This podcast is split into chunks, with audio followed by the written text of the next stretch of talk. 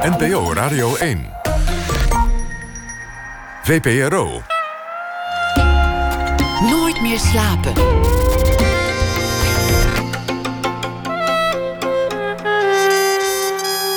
Met Pieter van der Wielen.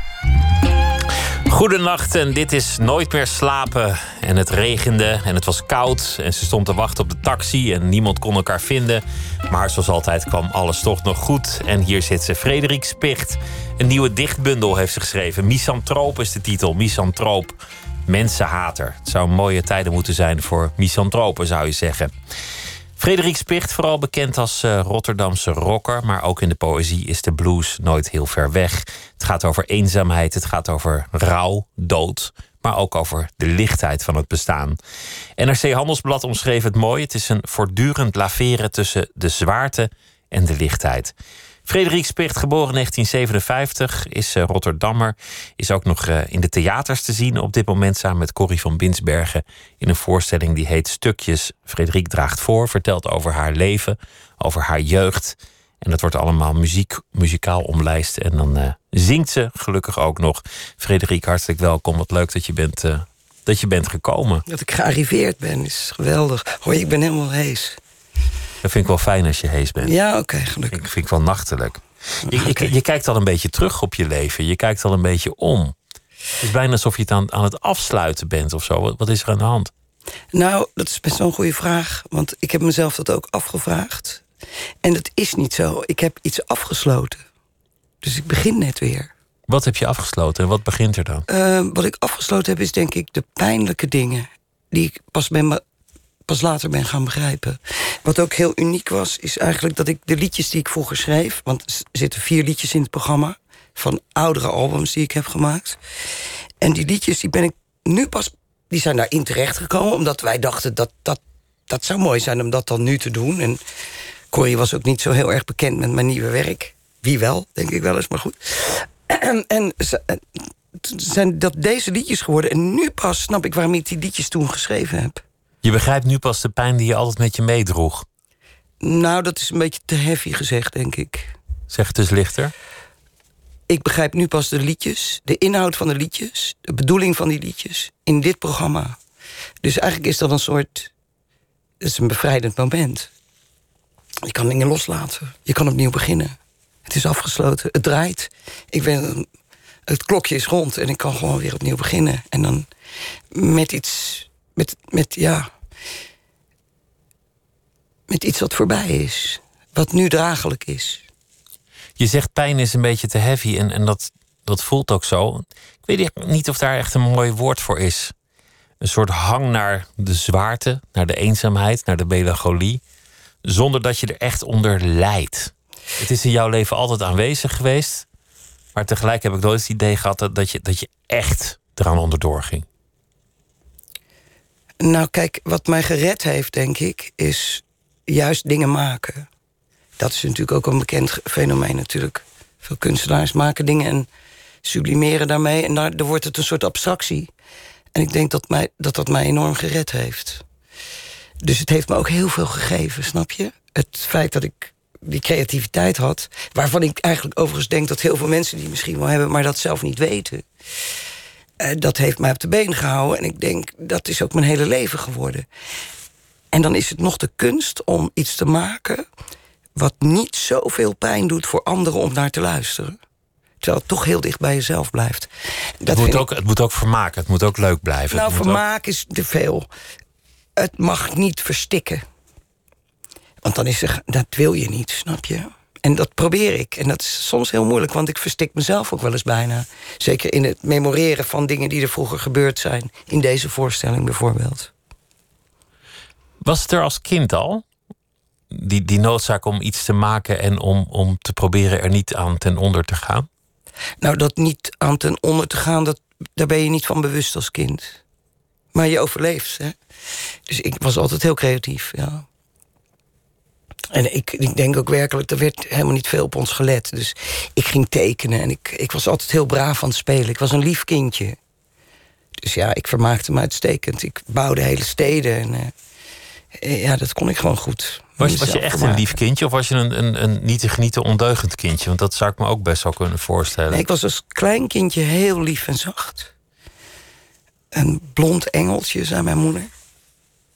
Ik was ook heel spierwit. En althans, dat hoor ik dan, uh, dat heb ik dan teruggehoord. Hè. En ik sprak ook niet. Ik wilde niet spreken. En uh, ik wees dan dingen aan. En mijn moeder zei dan niet, tegen mijn broertje zei, zei ze dan altijd... niet aan haar geven. Ze moet leren om die woorden te zeggen. En toen na een paar jaar stilte wist ik ook ineens hele zinnen. Dus ik ben heel lang heel stil geweest, maar dat heb ik uh, heel goed Eerst in je hoofd die taal helemaal onder de knie krijgen en dan pas ja, dat heb ik, denk de mond ik gedaan, open ja. doen. En, en dat heb ik ook eh, enorm ingehaald, dat stil zijn. Inmiddels. En de taxichauffeur is nu ook doof van mij, zeg maar. Van, van eerst, eerst jouw jouw gillen in stress omdat dat niemand elkaar kon vinden en het regende. Terwijl je optrad in Leiden. Ik ben, ik ben ook eh, wezen kijken. Je, je stond daar voor een, eh, voor een mooie zaal. En eh, die, die voorstelling was nog niet achter de rug en je moest er weer vandoor. Je hebt ook een dichtbundel gemaakt. En dat, dat vind ik ook wel weer een bijzonder Is project. vorige onderwerp nu klaar? Nee, daar komen we straks op terug. Oké, goed.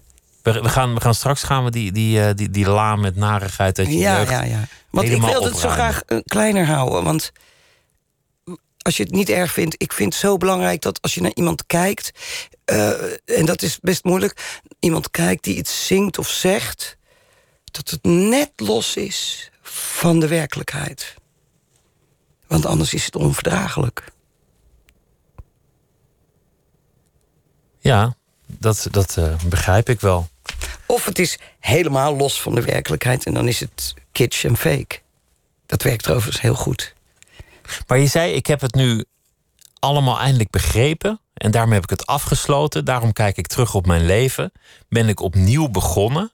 Kan Dus ik opnieuw een- beginnen? Ik Dit is een frisse start, dus dit is een licht moment. ja. Dit is niet een moment van iemand die alle ellende van, van dat hele bestaan op papier heeft gezet en in een voorstelling heeft omgezet. Dit is een moment van iemand die zegt, nou nu, nu snap ik het eigenlijk. Nu heb ik het op een rijtje. Ja. Het is ook uniek wat ik vertel over dat ik die liedjes ineens echt begreep. Bijvoorbeeld ook dat liedje Alles draait, snap je? Alles draait, ja. Ik weet helemaal niet waarom ik dat toen schreef eigenlijk. En nu eindig ik er ook mee. Nou, alles draait. Het is waar, ik ben gewoon... Het is rond. En het is zo onbegrijpelijk geweldig mooi eigenlijk... dat het zo organisch ontstaan is. Samen met Corrie. En deze gedichten, hoe zijn die ontstaan? Hoe- is dat dan gegaan? Hoe, hoe werden het ineens gedichten in plaats van liedjes? Nou ja, Corrie vroeg aan mij of ik ook poëzie had geschreven. En dat was wel zo. Ik had een paar dingen wel al gemaakt. En ik heb ooit nog wel eens eerder een poging gedaan om, om een uitgever te zoeken. Heel marginaal hoor. Dus, dus ik had drie gedichtjes opgestuurd. Dus wat vind je ervan? En, nou, het vond helemaal niks. En ehm, het was niet modern. Ik, ik was toen nog rijmerig en zo. Dat schijnt helemaal uit te zijn. Ja, dat weet ik allemaal niet. Volg ik natuurlijk ook allemaal niet. En toen dacht ik, oké, dit is dus niet modern. En toen dacht ik, nou, ik blijf gewoon toch af en toe een gedicht maken. Want het kwam zomaar gewoon soms binnen. Dat heb je als je mij bent. Gek genoeg komen er dan gewoon dingen binnen. En ehm, ja, toen had Corrie dus gevraagd of ik ook poëzie schreef. En dan, ja, dan gebeurt er altijd iets met mij. Dat ik denk, ja, ja, dat moet ik maar eens aan gaan pakken. Vond je het eng? Had je spanning Nee, ik daarvoor? vond het het allermooiste wat er was. Ineens begreep ik ook wat het was, poëzie. Eerlijk gezegd, daarvoor. Ik vond het wel mooi. En, sinds een paar jaar eh, begreep ik er ook meer van. En voelde ik er ook meer over. Maar om het te doen, dat dat zo'n... Dat is zo fantastisch leuk om te doen, poëzie. Dat blijft de hele dag bij je. Om één zin of twee zinnen zo te krijgen dat het klopt... en dat het zich tot elkaar verhoudt en dat het eigenlijk is het een gedicht maken is eigenlijk het hele stuk stukjes. Want Wat- wat- wat bedoel je daarmee? Nou, dat, ik bedoel dan dat dat klopt. Dat het ineens klopt, dat gedicht. Dat dat gedicht ineens een kop en een staart heeft... en dat er een gevoel onder zit en dat het lagen heeft... en dat het op elkaar aansluit. Dat is eigenlijk dus precies wat ik nu met Corrie heb gemaakt. Denk ik ineens, hoor, ja. Ik laat me gewoon helemaal gaan, vind je het goed? Nee, ik vind, ik vind het heerlijk. Maar snap je wat ik bedoel of niet? Het is dus Nee. een soort, het klopt. Je, je maakt iets, je, je probeert bijvoorbeeld een gevoel te schetsen. gevoel, het gevoel bijvoorbeeld hoe ik me voelde toen ik naar het, het, het, Filmfestival ging en me daar helemaal verdronken, verdronken in de mensen en, en helemaal niet thuis voelde en ongelukkig werd. Dan maak je een gedicht en dan kan je in, in metaforen en in een droomwereld neerschrijven hoe jouw gevoel was op dat moment. Nou, en als dat lukt, ik kan het nu lezen en denken, ja, zo voelde ik me. Wil, wil je het nu lezen? Ja, ik wil het wel lezen. Ja, nu, nu je stem hees is, is dat denk ik ook wel Jeetje, wat toepasselijk. Hees, hè? Ja, Even kijken.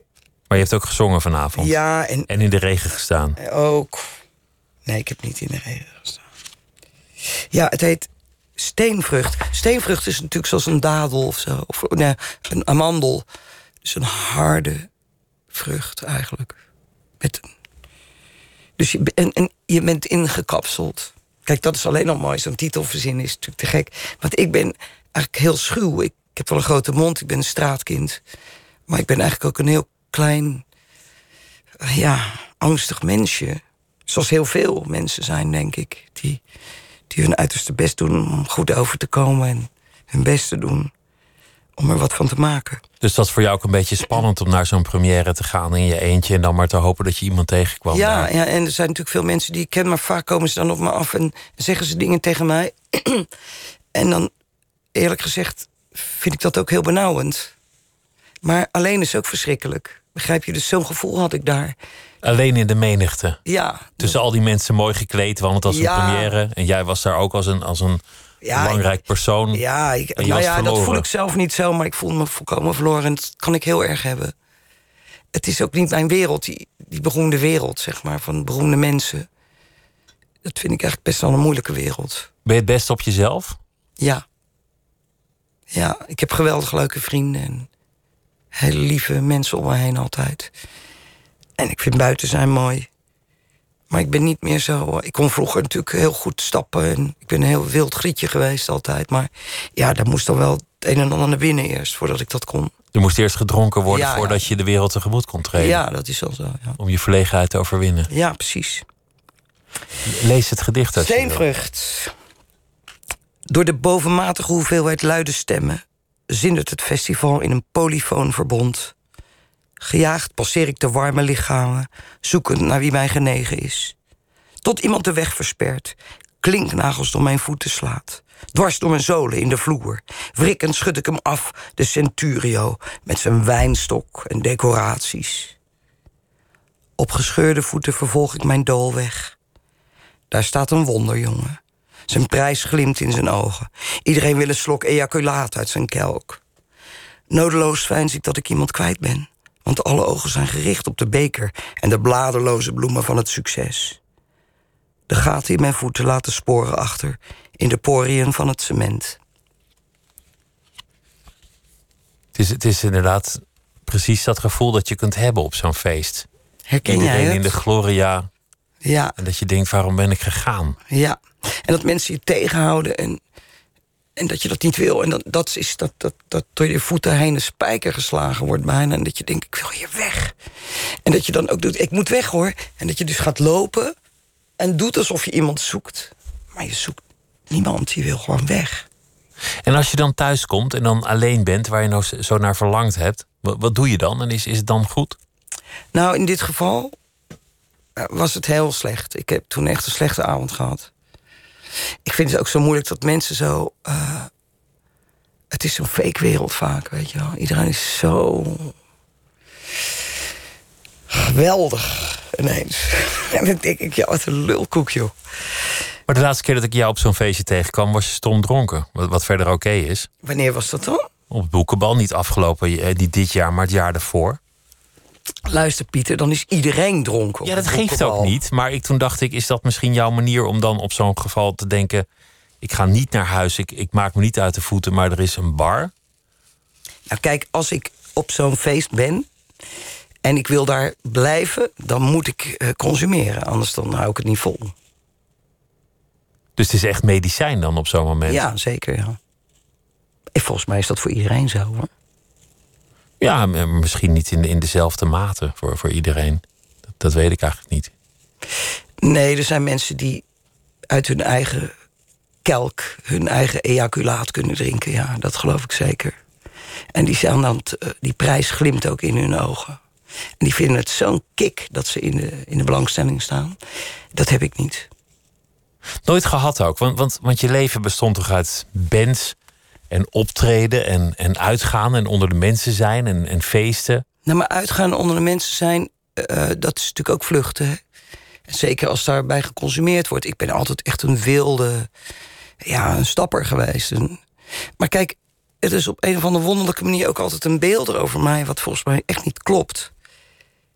Ik denk ook dat het moeilijk is om mensen te kunnen, hun wezen te kunnen ontwaren als ze met elkaar in groepen zijn, bijvoorbeeld. Dan zie je toch ook niet echt wie iemand is. En een echt gesprek ontstaat er ook niet. Dat is waarom voor mij het caféleven ook echt al een hele tijd voorbij is. Want ja, ik, ik duik er nog wel eens in en denk ik... jeetje, hoe heb ik dat volgehouden? Dat kan alleen maar als je meedoet.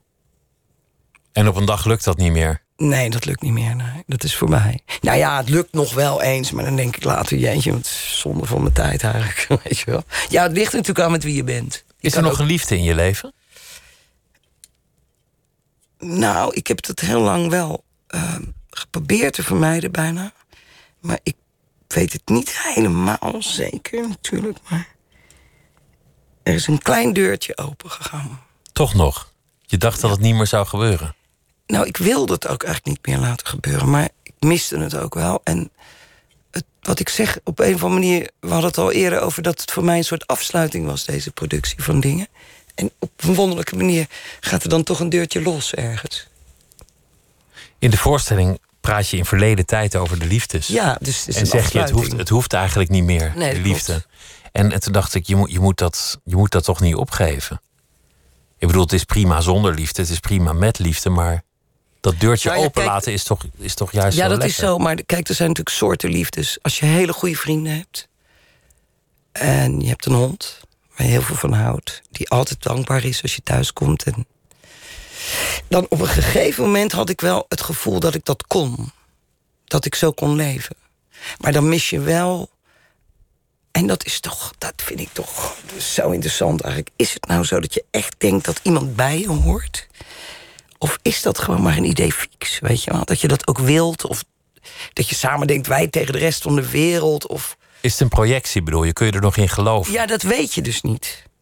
Ik hoop zo dat dat niet waar is. Maar is het zo dat jij je daar volledig in verliest? Ik kan me volledig verliezen, ja. Op een destructieve manier ook. Nou, dat denk ik niet. Als het slecht afloopt, wel natuurlijk, ja. Maar dat kan soms wel twaalf jaar duren. Voor het slecht afloopt. Ja, dat kan ik volhouden, ja. Het is wel iets dat bij je, bij je leven hoort, zoals je erover vertelt. De blues, het verdriet, het afscheid. Weer Nou oog in ja, oog kijk, komen met het- de eenzaamheid. Eh, Luister, ik denk echt dat het zo is... dat wat ik hier geschetst heb in het stuk stukjes... dat is waar dat allemaal vandaan gekomen is natuurlijk. Dat, het begint met die speelgoeddieren. Het begint met dat ik als kind in de bioscoop zat... en dat niemand op mij lette. Eh, Ik denk dat het kampsyndroom van mijn moeder daar enorm... Dat kom, daar kom je allemaal pas later achter. Op een gegeven moment zei mijn zus, ik heb een halfzus... waar ik veel van hou, Jolande Bertsch... is een van de oprichters van het Werktheater. Die zei op een gegeven moment tegen mij... jij bent een tweede generatie oorlogsslachtoffer. Dat zei ik toch niet zo achterlijk. Zo idioot, waar heb je het over? Maar na verloop van tijd kwam ik er toch achter dat ze gelijk had. Omdat de manier waarop ik opgevoed ben namelijk niet. En eh, altijd met de wetenschap dat mijn moeder toch echt een heel beschadigd iemand was. Dat gaat je pas echt raken op het moment dat je het snapt. En dan snap je die pijn. En dan begrijp je waarom je bent geworden wie je bent. En hoe je overleefd hebt. Hoe je je gehandhaafd hebt, moet ik zeggen. Overleven is zo overdreven. Dat, dat doe je als je op een rubberbootje op de zee zit. Eh, eh, ik heb me gehandhaafd. Ik heb me leren handhaven. Ik heb me leren ontwikkelen. Ik heb heel veel mooie dingen kunnen doen. Want dat geeft je ook heel veel natuurlijk.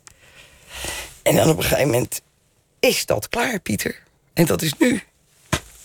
Je, jouw moeder die sprak er ook nooit over. Hè? Dat, dat heeft natuurlijk niet geholpen met dat onder ogen zien als, als er gewoon niet over werd gepraat. Als, als dat hele hoofdstuk Indië. En dat is een heel bekend fenomeen. Hè? Dat, dat gebeurt bij niemand in die gezinnen. Dat Dat werd verborgen. verborgen, ja. Ja, daar mocht je echt niet over beginnen. Dat was foute boel. Waarom merkte je dat het er toch was? Eh, nou, dat, kijk, dat, zijn, dat is ook het ingewikkelde eraan. Er werd nooit over gesproken, maar mijn moeder was iemand die. Als ik dat, nou moet ik dat goed zeggen. Je zag haar pijn. Je voelde haar pijn. Dus iemand die iets bij zich droeg. En als kind ben je daar natuurlijk heel gevoelig voor.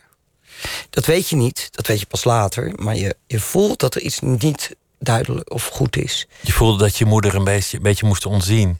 Ja, dus je wordt heel gauw volwassen. Je gaat heel snel voor jezelf zorgen. En je neemt alle verantwoordelijkheden over. En dat is natuurlijk eigenlijk fataal voor een kind. En dat gesprek hebben jullie nooit kunnen voeren. Nee. Dat heeft ze mee er graf ingenomen. Ja. Maar het is zo, zo absurd zelfs dat, dat toen ze gestorven was, dat mijn vader zei. We waren om bij elkaar. En dat mijn vader zei: Ik heb haar nooit gekend. En die is toch bijna zijn hele leven bij haar geweest. Ja. En er nooit echt achter gekomen wie ze was. Nee, nee, ze was heel raadselachtig. En dat maakt eigenlijk ook... Ik denk wel eens, ik heb een soort Elvis Presley-syndroom, weet je wel. Mijn moeder... Ik kwam er op een gegeven moment ook achter dat ik allemaal foto's van mijn moeder had. Uit Indië, terwijl ik ben daar nooit geweest. Ik ben veel later geboren. Met allemaal bloemen om haar heen. Er was een soort prinses, was ze. En dus dat ik een soort... Ik had alleen maar foto's van mijn moeder van voordat ik geboren was. Ja, dat is natuurlijk ook niet helemaal zuiver. Of laten we zo zeggen, best wel gek. En wa- waarom noem je dat het Elvis Presley-syndroom? Nou ja, die was ook zo gek op zijn moeder. Idolaat van zijn moeder. Ja, en ik heb haar natuurlijk op een podium gezet, omdat ze er eigenlijk niet was. Dus dan maak je dat groot als kind. Dat maak je veel groter. Dan denk je, die vrouw. Ja, het is best gek. ja. Maar ook heel mooi hoor. Luister, kijk. Ik vind het naar als dit zwart zou zijn, want vergeet niet dat het me zoveel gegeven heeft. Ik ben zo gezegend met ik weet niet hoeveel talenten eigenlijk. Want ik, en dan zeggen mensen wel daar moet je trots op zijn. Maar dat, dat voel ik dan niet. Ik weet niet goed wat dat is, trots. Want het, het komt gewoon binnenzeilen bij mij. Het was de ruimte die, die vrij kwam omdat niemand op je lette. Die heb, heb je gevuld met creativiteit. Dat denk ik, ja. En de zwaarte die je thuis voelde, die, die kon je overwinnen. Die kon je aan door je op allerlei manieren te uiten. Precies. In fantasie, Ja. in liedjes, Ja, want in je, teksten, ja, precies. Zo is het gegaan. tekeningen. En dat is dingen. natuurlijk prachtig, want dat is ook een soort cadeau. En verder was het een, een, een echt heel Rotterdamse familie. Generaties lang. Nou, mijn, van mijn vaders kant vooral Ja. natuurlijk. Eh, Mijn vader is echt een, eh, echt een Rotterdammer, ja. Ja, maar mijn moeder niet. Mijn moeder, mijn moeder eh, was chic. Mijn moeder, ja, dat is echt prachtig aan. Ja, ze- is een soort, je hoort het als ik het over heb, dan ben ik een soort verliefd op mijn moeder eigenlijk. Hè? Hoor je dat? Gaat dit gesprek goed eigenlijk, vind jij? Ja, ik Even vind, ik, vind het, ik vind dat we wel, wel ergens naartoe op weg zijn. Ja. Oh, zijn we nog onderweg ook? Gaan, gaan we al evalueren, vind ik ook wel leuk. Jij mag het doen. Gewoon zo, midden in het gesprek. Maar ik vraag het me echt af. Ik geef natuurlijk antwoord zover als ik dat kan. En ik hoop ze dat het, dat het steekhoudend is. Dat je het me begrijpt en, en dat het zinnig is wat ik zeg. Ja, dat vind ik wel. Gelukkig. Ik wil een liedje van je, van je laten horen. En dat liedje dat is eh, een liedje dat heet Alles draait om jou. Goed. Van Frederik Spicht, die tegenover me zit, voor wie net inschakelt.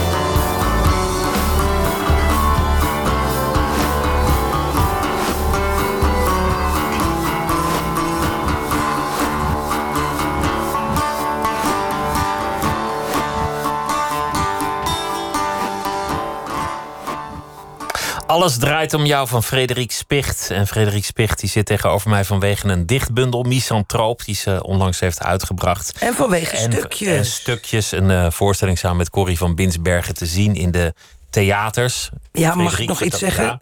Kijk, bijvoorbeeld, wij gaan naar Roermond. Dat is deze week. En in Roermond ben ik twee keer eerder in mijn leven geweest. En daar was bijna niemand. En dat is nu weer zo. Terwijl overal komen mensen naar ons kijken. Roermond, wat is dat? Zo, dankjewel. Misschien, moet- misschien, misschien moet je even iemand vragen om postertjes dan met- met een beetje stijl. Of is dat heel ouderwets? Nou, weet je, als je het goed vindt, eh, bemoei ik me daar niet meer mee. Want ik heb er geen zin in. Maar ik vind het zo idioot dat, dat Roermond niet... Die, die- volgens mij, hou, dat is Limburg, hè? Ja? Ja, daar wil ik verder niks naars over zeggen. Maar ik vind... Daar wou ik bijna iets gaan zeggen. Ik vind het zo stom dat die mensen niet naar ons toe komen. Jullie moeten komen. Ja, misschien, misschien is dat regionaal verschillend dat ze in Limburg weer naar andere voorstellingen gaan. Dat denk ik, ja. Is, is dat eigenlijk iets. Want je hebt, je hebt hoogtepunten en dieptepunten meegemaakt in je, in je loopbaan. Volle zalen, lege zalen. Grote hits. Nooit een lege zaal gehad, Pieter. Nou ja, nu in Roermond. Ga, Ja, in Roermond. Alleen in Roermond. Maar is dat iets dat, dat je nog, nog heel erg frustreert? Of iets waar, waarvan je denkt van... Het, het is niet gebeurd of wel gebeurd? Of hoe As long as it pays the bills. Nee, maar dat is niet waar. Nou ja, kijk, ik heb er eigenlijk geen pijn over of zo. Want het loopt eigenlijk altijd wel goed. Ik heb, dat is wel een voordeel, denk ik. Dat ik al zo lang in die business zit. Want ik heb toch iets op kunnen bouwen. Ik denk wel als jonge mensen van nu. Er is natuurlijk ook een heel segment weg. In de cultuur. Heel veel zalen niet. Is geen geld. Maar ik kan echt bestaan van wat ik doe. Dat is natuurlijk een unicum. En dat komt echt omdat ik een, een ja, omdat ik al zo lang meega. Dat is wel bijzonder. Eerst in het Engels. Altijd als lid van een band. Ja, Later eh, een solo-artiest. Toen toch weer in een band. ja. Ook nog als presentator, radio, televisie, formats op je lijf geschreven. Hits gehad die op de radio kwamen. Hele albums die niet op de radio ja kwamen. belachelijk gewoon. ja. En altijd maar doorgegaan. Ja, en ook acteren. Is ook Acteren, ook nog, ook nog gebeurd geschreven onderweg. voor voorstellingen en zo. Ja, ik heb zoveel gedaan. En dan zijn er momenten dat je het helemaal gaat maken. Dat, dat je helemaal de, de gebraden haan bent. en dan zijn er momenten dat je denkt van... verdomme, alles is mislukt, alles is onder, onder me weggeglipt. Waar doe ik het voor? Ja, dat komt denk ik ook een beetje door mezelf. Omdat ik geneigd ben om niet een bekende Nederlander te willen worden. Ik weet ook niet of je daar Geschikt voor zou zijn. Nee, precies, maar dat is dus dubbel. Kijk, ik, had ook, ik ben ook wel voor quizzen gevraagd en zo. En Onlangs was het nog wel heel grappig. Toen zat ik bij mijn impresariaat. En toen was ik weer voor dingen gevraagd. En toen zei ik, nou, dat ga ik allemaal niet doen hoor. Daar heb ik geen zin in. Toen zeiden ze, ja, als jij alles afzegt... hoe moeten wij jou dan verkopen? En kan je nagaan eigenlijk, hè? Voor het weet ben je een moeilijk plaatsbaar product. Nou, toen heb ik ja gezegd op doorbakken. Wat, is, wat is, door, wat is doorbakken? Doorbakken. Dat is een programma, dat is een soort derivaat van... Heel Holland heel- bakt. Juist. Maar dan, dan bakken ze nu wat langer.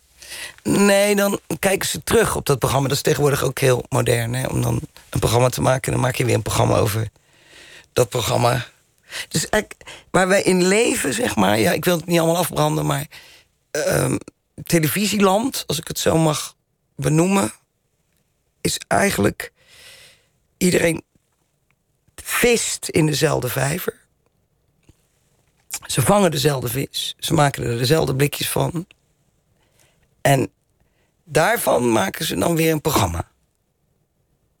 Begrijp je? Dus we zijn een soort gemene deler van een gemene deler van een gemene deler. Er zijn ook heel weinig alternatieve of creatieve dingen. Iedereen durft niet bij elkaar vandaan. Want stel je voor dat je kijkcijfers verliest. Meer van hetzelfde. Dezelfde dingen, dezelfde formats, dezelfde personen. Ja, en die dan ook weer ontleend worden aan dingen die al zijn. En daar weer dingen aan ontlenen die ook al... die daar weer aan ontleend zijn. Als je me kunt volgen. Het is ook wel een eer als je niet heel plaatsbaar bent ge- gebleken, toch? Het heeft ook wel iets leuks. Als ik dood ben, dan gaan mensen mij vragen. Dan, dan gaan ze bellen. Dan kom ik terug. Nou ja, het is apart. Ik heb in elk geval geen eh, concessies gedaan... in de zin van, in creatieve zin. Dat heb ik nooit gedaan. Want dat is mijn eer te na. Maar als ik je zo hoorde eerder in dit gesprek, heb ik wel de indruk dat je, dat je hebt moeten vechten om jezelf op de been te houden door de, loop, door de jaren Ja, heen. natuurlijk, ja. ja als je niet mee wil doen aan allerlei... Maar met alle de- demonen, met de zwaarte, met de manier waarop je jezelf kon verliezen in, in de liefde en creativiteit. Met, Nou, niet zozeer in de de liefde. drank Dat zijn dingen die de iedereen... eh, Het zijn dingen die iedereen meemaakt. Toch, toch, weet je wel. Dat het al de ene keer beter gaat dan de andere keer. En- misschien bij jou intenser, kan dat? Nou ja, ik ben wel... Ik denk wel dat ik een soort skinless ben, denk ik wel. Ja, ik ben snel geraakt. En ik ben wel een gevoelig iemand eigenlijk. Kwetsbaar. Daar, ja, en dan, daarom heb ik soms ook wel eens een grote bek. Om mezelf te verdedigen, snap je? Dat moet dan. Toch een harnas nodig gehad af en Ja, toe. ja ik, ik, ik kan soms ook wezenlijk niet naar buiten. Want dan denk ik, oh god, ja, dan ga ik als naar buiten. Dan, dan zit ik niet lekker in mijn vel. Dan, dan, dan, loop, dan, dan bots ik er ook tegen mensen. Die, die gevoeligheid is waarschijnlijk ook die creativiteit. Alles komt binnen, alles Ja, komt even hard binnen. ja, alles, alles raakt je, alles emotioneert je. Ja, dat is zo. Daar moet ik me wel voor wapenen soms. Dus je hebt wat stellen gezegd van je, van je handicapt je, je beroep gemaakt. Volgens mij doet iedere kunstenaar dat. Weet ik niet, het zou wel kunnen. Dat denk ik. Het is wel een mooie gedachte op zich. Ja, ik denk dat. Je, je moeder die, die heeft haar leven lang niet kunnen praten over wat ze heeft meegemaakt in die kampen. Jij zingt erover, jij schrijft erover. Die paar anekdotes die je vertelt, die, die zijn gruwelijk. Het moeten eten van een paling die in de latrines heeft ges- ge- gezwommen. Maar je hebt toch honger, dus, dus je eet eigenlijk menselijke stront omgezet in paling. Ja, Jij verwoordt het mooier dan ik het nu doe, maar zo rauw was de, was de je, werkelijkheid. hebt echt heel, heel, je bent echt in mijn oude werk gedoken, hoor ik. Ja, Ja, in de latrine. Dat was een gedichtje van mijn zus. Die in dat kamp heeft gezeten. Eigenlijk was het geen paling, maar een slang. want je moeder zat daar met twee kinderen. Ja. Ja, dat is nogal wat geweest natuurlijk. En dan bijna vier jaar. Dat is echt geen, eh, geen sinecure. Hoe kan het dat ze overleefd heeft? Op stijfsel. Ze kregen stijfsel en rijst. Dus dan overleef je. En je hebt kinderen. Ik denk dat je dan als vrouw enorm sterk wordt. Want je wil je kinderen niet in de steek laten. Dat denk ik. Wat weet je daarvan? Weet je bijvoorbeeld of ze, of ze mishandeld is, misbruikt is, dat soort dingen? Ja, ik denk eigenlijk van wel. Ze was heel knap ook. Eh, ik had een hele knappe moeder, dus daar zijn beslist dingen mee gebeurd. Maar dat is ook allemaal een beetje vaag gebleven. En ik wil dat zelf ook wel zo houden eigenlijk. Want dat zijn zulke cruwe dingen. Je wil daar eigenlijk niet in. Nee, dat hoef ik niet. Want die bronnen zouden er misschien wel kunnen zijn. Ja, maar voor mij hoeft dat niet. Kijk, het is al erg genoeg. En als je dat soort details dan ook moet ontwaren... ik weet niet wat ik daarmee zou moeten doen. Ik kan het er ook niet meer met haar over hebben. Ik kan haar niet meer redden. Ze is dood. Dus ja, wat zou ik daarmee moeten... Hoe was het op het eind? Want, je moeder is oud geworden, afgetakeld. Ja, is een beetje gewoon de- niet meer bewegen, niet meer, niet meer praten. Het is echt een heel gruwelijk eind geweest. En het heeft ook heel lang geduurd. Dat is echt verschrikkelijk geweest. Maar ik weet niet of ik daar nog langer over wil praten eigenlijk. Je zegt in de voorstelling dat ze toen op het eind zei: Dit is nog erger dan het kamp. Ja, dat zei ze. Ja. Dat lijkt me een opmerking die bij jouw hart binnenkwam. Tuurlijk, ja. Maar wat ik niet zei in de voorstelling... is dat ze na twee jaar zwijgen... Ik ging dan naar het verpleeghuis en dan lag ze in een soort sarcofaag eigenlijk.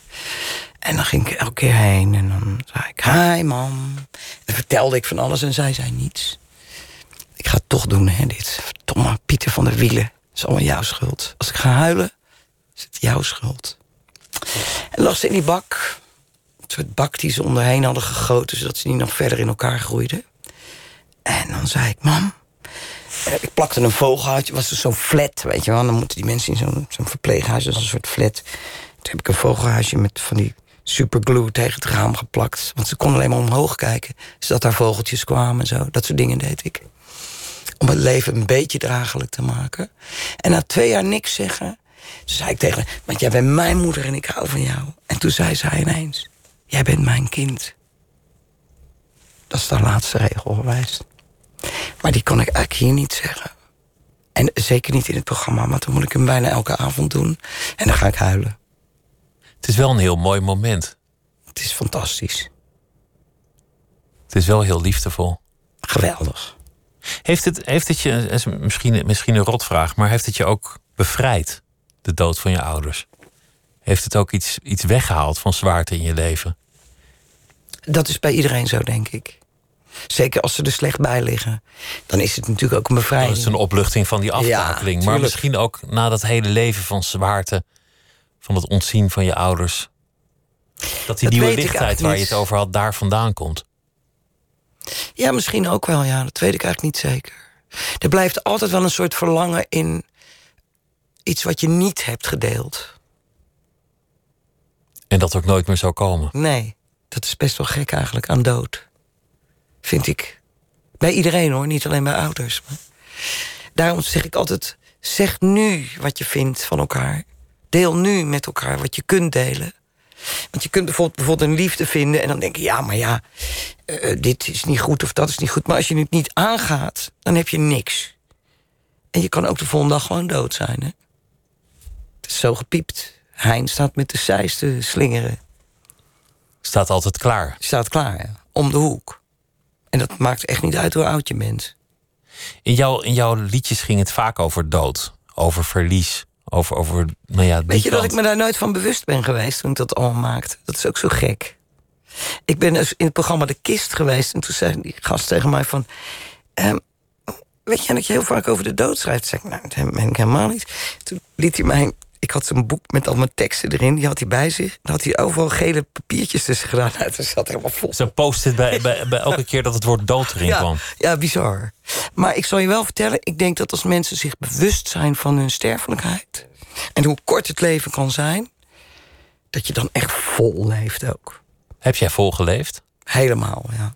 Maar je had het ook over angsten, niet, niet op straat durven gaan, ja, niet maar onder ik de heb mensen willen komen. geweldig goed leven, joh. Ik, ik ben echt... Het is alles of niks bij mij, snap je? Er zit geen grijs. Ik heb geen grijs.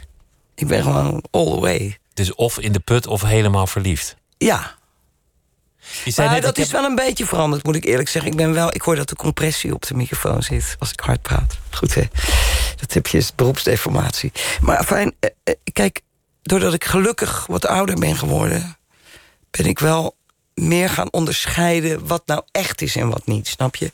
Kijk, ik kan paniekerig zijn, maar ik, ik weet nu ook dat het overgaat. Terwijl vroeger als ik in paniek was, dan dacht ik, dat gaat nooit meer over. Ik ga dood nu, of... Dat scheelt wel een enorme jas, hoor. en, en in de euforie was dat ook zo. Als je verliefd was, Ja, dan, dan ja. was je verloren. Dan was je van, van, van, de, van de Ja, ja, ja. En de, alle, de hemel verschuiven kan ik voor iemand. Kan ik nog hoor. En dat Hoe is dat nu? Zo graag. Wat, wat je zei net, van er is een soort deurtje open gegaan. Ik zeg in de voorstelling... Oh, je, je wijst me aan van, van Ja, laten we het hier ja. niet over hebben. Nou ja, ik vind het allemaal zo persoonlijk. Ik ben al zo open. Wat wil je van me? Het is alsof dat harnas valt en, en alsof ik daar bijna... Ja, ik ben gewoon gevoelig. En ik, ik, ik heb onlangs weer dingen gevoeld. En dat is heel bijzonder. Om het weer te voelen. Ja, het is heel mooi. Je hebt het in de voorstelling over de dood van je hond. Ja. En dat heeft je enorm geraakt. Dat doet het bij veel mensen als, als een huisdier Ja, doodgaat. Het is echt bizar. Dat, dat, is, dat is echt rouw. Daar, daar, daar, Ik kan echt niks zeggen. twijfel ik niet. Erger dan de dood van mijn vader, bij wijze van spreken. echt waar.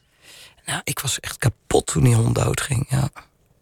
Dat had ik nooit aanzien komen. Terwijl die hond daarvoor kon ik echt heel goed. eh, Ja, dat kon ik heel goed handelen. Ik denk dat ik zo'n één geheel ben geworden met die hond.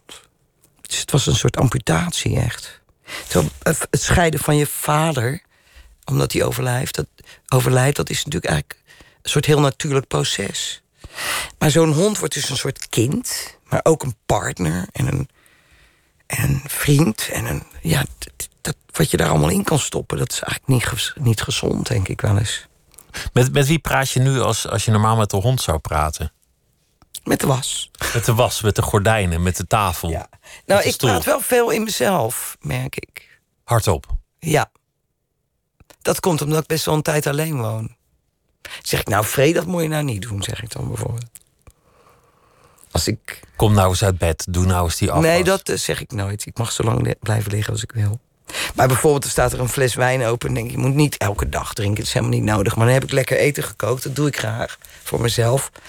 En pak ik gelijk die fles, denk lekker wijntje erbij. En dan zeg ik... Nou, Vree, dat hoeft nou ook weer niet gelijk. Ik ben ook wel streng voor mezelf. Dat moet ook wel een beetje, denk ik. Ja, want ik wil nog een hele tijd mee. Ik heb nog zoveel te doen, joh. Weet je wat ik ook zo graag zou willen? Nog een hoofdrol in een film. Zou je zeggen, wat een gek idee. Ik denk dat ik dat waanzinnig goed kan. Ik denk het ook wel. Denk ik ook. En dan zou liefst- ik leuk liefst- vinden om nog een film te maken. Liefst als boef, dat lijkt me het leukst, als schurk. Ja, als schurk. Of gek. Vooral als gek. Lijkt me heerlijk. Het een sluit het ander niet uit. Nee, beide. Ik, ik wil je, je oude hit. Deze speel Nee. jij niet meer. Nee hoor, niet een oude hit. Haat jij je oude hits? Nee, niet, maar ja. Ik zou het veel leuker vinden. Kijk, dat bedoel ik. Om iets te laten horen wat dan nooit gehoord is. Maar waarom, waarom omarm je dat niet? Waarom ben je niet trots op zo'n oude hit? Want heel veel mensen hebben dit nooit gehoord. Want er is een hele nieuwe generatie die nog aan de moeder, moederborst lag. toen dit een hit was. Je bent zo goed, jij Pieter. Zet maar op hoor. Mijn hart kan Ga er dat wel niet aan. doorheen. En het is een, het is een Oh, mooi God, lied. I could have known. Let's do it.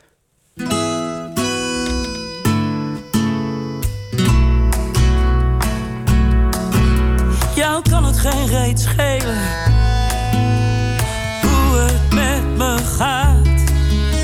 Je kijkt de andere kant op als ik je zie op straat. Ik zou beter moeten weten, ik kan maar beter gaan. Ik wil je wel vergeten, maar mijn hart kan dat niet aan. Niets moet je van me hebben.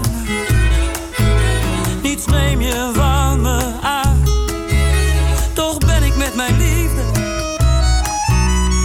Bij je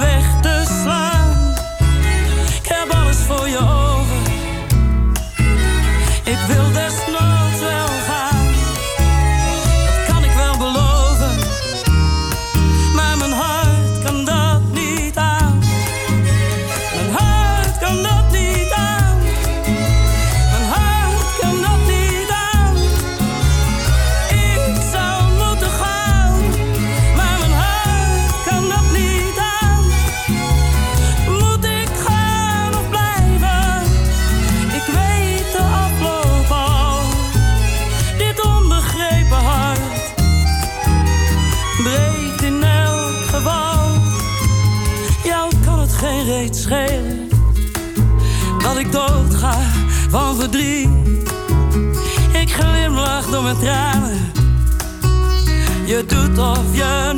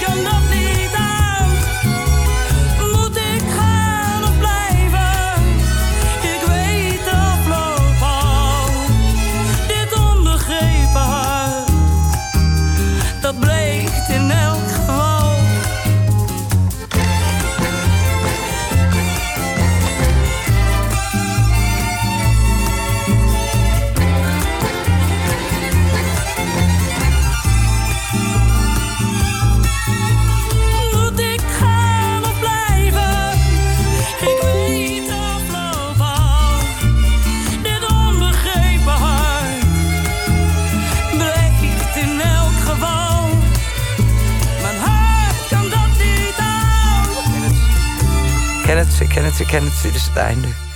Mooi, hè? Ik ken het. Je hebt geschreven. Niet. Dit heb ik niet Oh geschreven. nee, Huub van der Lubbe heeft ja, het geschreven. En, jij zong en. Leo ja. van de Katterij. Ja. Ja, nee, ik heb er niks mee te maken. Ze hart gaat met Buma. Stemra weer. Heb je een keer een grote hit, heb je het niet geschreven. Krijg je de helft van het geld. Frederik Spicht zit tegenover mij. Is, is dat iets dat je nooit doet? Je oude werk terugluisteren, terugkijken, omkijken in... in Maar dat de doe zin ik wel eens. Als er dan iemand is die... Ik maak nog steeds nieuwe vrienden. Ik heb nu een violist uit Tijmen Velenturf. Hij is een geweldige violist. En hij is geloof ik 26 of zo. En we hebben elkaar nog niet zo lang geleden ontmoet. We zitten nu in dezelfde productie. Je hebt hem morgen spelen. Hij is weergeloos goed. Net als Mark Nieuwenhuis overigens. En onderschat Corrie van Minsbergen niet. Maar hij is dus heel jong en ik heb hem leren kennen op de hoek van de straat in een kroeg. En dan stond hij met een biertje. Toen zei hij, kom je naar mijn eindexamen? Ik zeg, yes. Ik dacht, wat een gek gastje is dat, zeg, met zijn veel op zijn rug. Hij was zo goed. En we zijn heel close geworden. En waarom was ik nu zo over hem aan het praten? Ja, had een vraag gesteld. Of je wel eens terugkeek. Of je wel Ja, en dan laat ik hits- hem wel eens dingen horen. Dan zijn we bij mij thuis soms wel eens tot acht uur s morgens zitten we te luisteren. Ja, we zijn nog, ik ben nog steeds gek. En dan zit hij daarin zo liefdevol te luisteren. En dan, dan hoor ik ook wat ik gemaakt heb. Begrijp je? Dan hoor ik. Dat is hetzelfde als dat je bijvoorbeeld door een stad loopt met familie uit Amerika. En dan ineens zie je de gevels van de huizen. Waar je nooit naar kijkt. Pas door de ogen van een ander kun je het zien. Ja. Of kun je het horen Ja. door andermans oren. Dan hoor je het, ja. En dan denk ik zo, spicht, dat heb je toch maar mooi gemaakt. Dan voel ik dat. Dat is heel apart. Hoe kwam de rock'n'roll eigenlijk in jouw leven? Wat was de muziek waar je naar ging luisteren? Wanneer, wanneer ging je liedjes maken? Wanneer sloeg die bliksem in? Nou ja, ik maakte eigenlijk al heel, toen ik heel klein was al muziek. Hoe deed je dat? Had je een gitaar Nou, mijn een moeder had een gitaartje voor mij. Hier heb je weer zo'n Elvis-verhaal. Mijn moeder had een gitaartje in Spanje voor mij gekocht. En toen had ik een vriendje en die heette Carlos Benitez de Campos. En die heeft mij toen eh, leren spelen. Een paar dingen leren spelen. En zo ben ik toen... eh, toen was ik dertien of zo. Toen, of twaalf misschien. Een heel slecht gitaartje. En dat was de eerste keer dat ik een gitaar in mijn handen had. En zo is het begonnen. En wat voor muziek luisterde je toen? Was dat ook Elvis? Want je, want je noemt nu Elvis. Nee, nee, nee, ik ben, een, ik ben echt een. eh, ik vond Elvis in het begin helemaal niks. Ik was natuurlijk jong op een gegeven moment. En toen was In the Ghetto was geloof ik een hit. Nou, dat vond ik me een zeper, jongen. Dat vond ik een vervelend nummer. Dat is een mooi liedje, toch? Ja, nu, Nu weet je dat. nu snap ik het. Maar toen vond ik dat een zeper. Toen vond ik het gezeur. Waar luisterde jij naar toen? Creedence Clearwater Revival. Oh, iets ruwer. Ja, ruige, ruige dingen, ja. Vind ik nog steeds te gek. En van het een kwam het ander. Kwam je in een bandje spelen? Ja, ik wilde dat ook. En eerst zat ik in een bandje van mijn broer. Want de zanger was oud gegaan in Exit. Dat was zeg maar het Paradiso van Rotterdam. Toen mochten ze daar eindelijk spelen. Toen was hij niet goed geworden. En toen, toen waren ze klaar met hem. En toen, eh, toen zei ik, laat mij het dan doen. Nou, dat was een heel slecht idee, want ik vond die muziek eigenlijk te hardrockerig. Toen begon ik allemaal dingen te zeggen. En toen kreeg allemaal ruzie. Toen ging band bijna uit elkaar. Toen hebben ze me eruit gezet.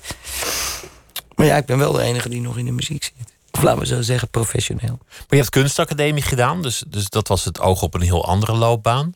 Ja, Opgeleid tot kunstenaar. Maar zo zou je jezelf nu ook wel kunnen noemen.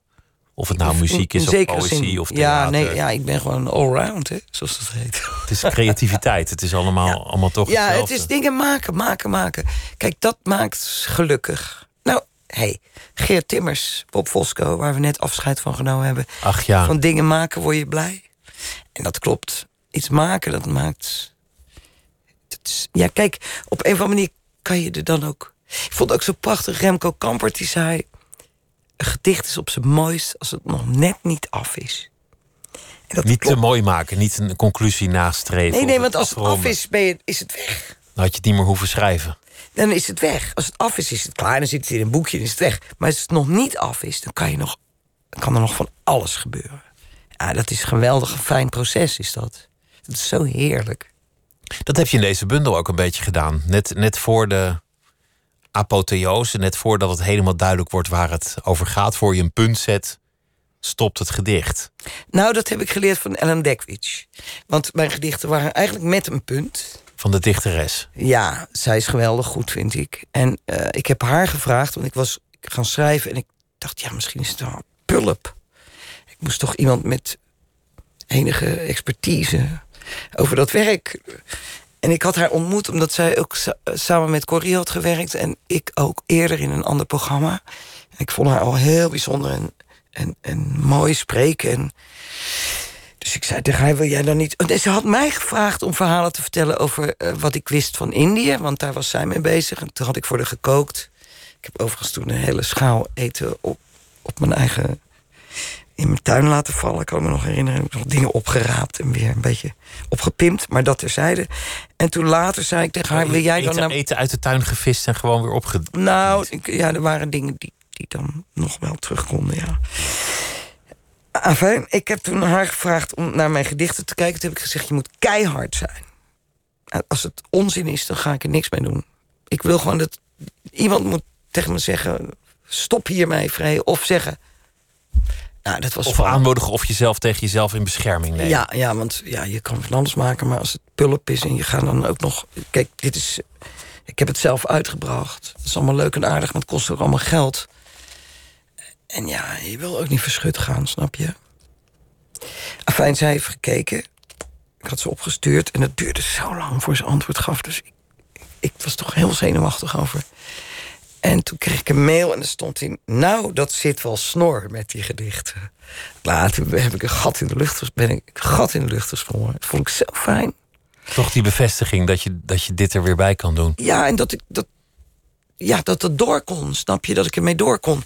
En toen is ze ook bij me thuis geweest. En toen had ik bijvoorbeeld iets met een paard. En dan zei ik, mijn...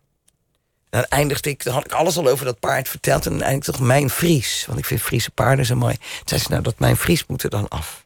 Maar dat rijmde dan op iets. En dat wilde ik dan een soort van... Toen zei ze, maar je hebt het allemaal al verteld. Het hoeft niet netjes te eindigen. Niet een conclusie, Nee, niet die een punt. conclusie moet je eigenlijk. Dus dat klopt wel wat jij nu ontwaart. Eh, dat is. kan je beter niet doen. Wat heeft het leven je al met al geleerd? Want je zei het is lichter geworden. Het is nu, heb ik, heb ik alles kunnen begrijpen, kunnen zien. En daardoor heb ik heel veel afgerond en sta ik eigenlijk aan een nieuw begin. En daarom is dit een, een vrolijk moment voor mij, zei je. Ja, Want nu begrijp ik pas teksten die ik vroeger maakte, liedjes Ja, die ik vroeger ja, schreef, die, die vallen nu op hun plek. allemaal waar. Wat En kan je dit is een nieuw begin. Samenvatten. En, en je zei heel belangrijk in mijn leven is altijd geweest om te creëren, om mezelf staande te houden. Zonder dat was dat misschien wel niet gelukt, Ja, want het is zwaar geweest. En het is ook zwaar geweest. ook zwaar geweest, maar ook vrolijk geweest. Heel vrolijk. Ik heb me helemaal gek gelachen in mijn leven. Ik heb zoveel lol gehad. Ik ben een Rotterdammer, hè. Maar wat heeft het bestaan je al met al geleerd? Al met al. Ja, verschrikkelijk veel natuurlijk. Ik bedoel, moet ik dat opsommen? Of Kom je tot een soort essentie of is die er gewoon niet? Dat kan ja, de essentie is natuurlijk toch. Oh, dit is zo moeilijk, Pieter. De essentie is natuurlijk liefde. Toch die liefde. Ja. En dat is ook het enige wat overblijft. En daar moet je toch in blijven geloven. Ook was dat moeilijk voor je om erin te geloven. Ja, want het je bent er bang voor. ook. Ja, tuurlijk. En ik denk... Ben je er goed in? Nou, het lukt me wel weer, denk ik, ja. Maar weet je wat ik ook heel belangrijk vind, geloof ik? Dat het besef... eh, hoe langzaam dat gaat bij homo sapiens. Dat we één wereld zijn. Het blijft natuurlijk een heel vreemd raadsel. Dat wij dat enorme universum om ons heen hebben... waar we eigenlijk nog geen... We weten niet eens waar dat eindigt. En dat wij dan op dat kleine blauwe balletje zitten met elkaar. Dat we sterfelijk zijn en geboren worden. Dat is natuurlijk... Daar gaan wij nooit achter komen. Dat is misschien ook maar goed ook. Maar het feit dat we dat dan weten... dat we dan niet met elkaar kunnen bedenken... dat al die mensen op dat hele kleine blauwe balletje... in dat mega grote universum... iets met elkaar moeten verzinnen... om het uit te houden en het mooi te houden. Ik las vanmorgen dat er een één witte albino-giraf is... met een baby. Wat haast nooit voorkomt. En die is dan meteen afgeschoten. Kijk, dan hebben we nog een hele lange weg te gaan. Waarom is die afgeschoten? dan? Omdat het een unicum is natuurlijk. Dus iemand wil dat beest omleggen. Snap je? Omdat het raar was. Nou, niet omdat het raar is, maar omdat je. Omdat het kan. Het kan. Je kunt doden. Je kunt verzamelen. Je kunt hebben. Maar het leven is geven en gunnen. En ik kan het woord respect sinds al Balkenende eigenlijk niet heel goed meer zeggen, maar in elk geval toch wel heel veel respect hebben voor elkaar en de omgeving. Er zijn vogels in bomen die kinderen krijgen, die leven, die fluiten. Het zijn allemaal cadeaus. Mensen weten ze. Het valt mij op televisie. Mensen die allemaal toch wel zeker uh, know-how hebben, die, die kunnen niet eens zien. Die vogels. Die weten niet eens hoe die, die beesten heten. Nou, ik vind, dan moet je toch verdieping. Dan moet je echt een verdieping in. Zo'n klein levend vliegend balletje. Wat zingt voor jou. Helemaal voor niks. Come on, man. Oh, ik ga morgen een vogelaarboek kopen. Dankjewel dat je langs wilde komen, Frederik Spicht. Het was me genoeg om met je te praten. Dankjewel. Dankjewel, Pieter. En de voorstelling die is nog uh, te zien. Stukjes heet die ook in uh, Roermond komende ja, week. Er zijn nog kaarten, hoor ik. En een Enschede. En, en zometeen mis podcast. Wij zijn er morgen weer met Nooit meer slapen. Goeienacht. Op Radio 1. Het nieuws van alle kanten.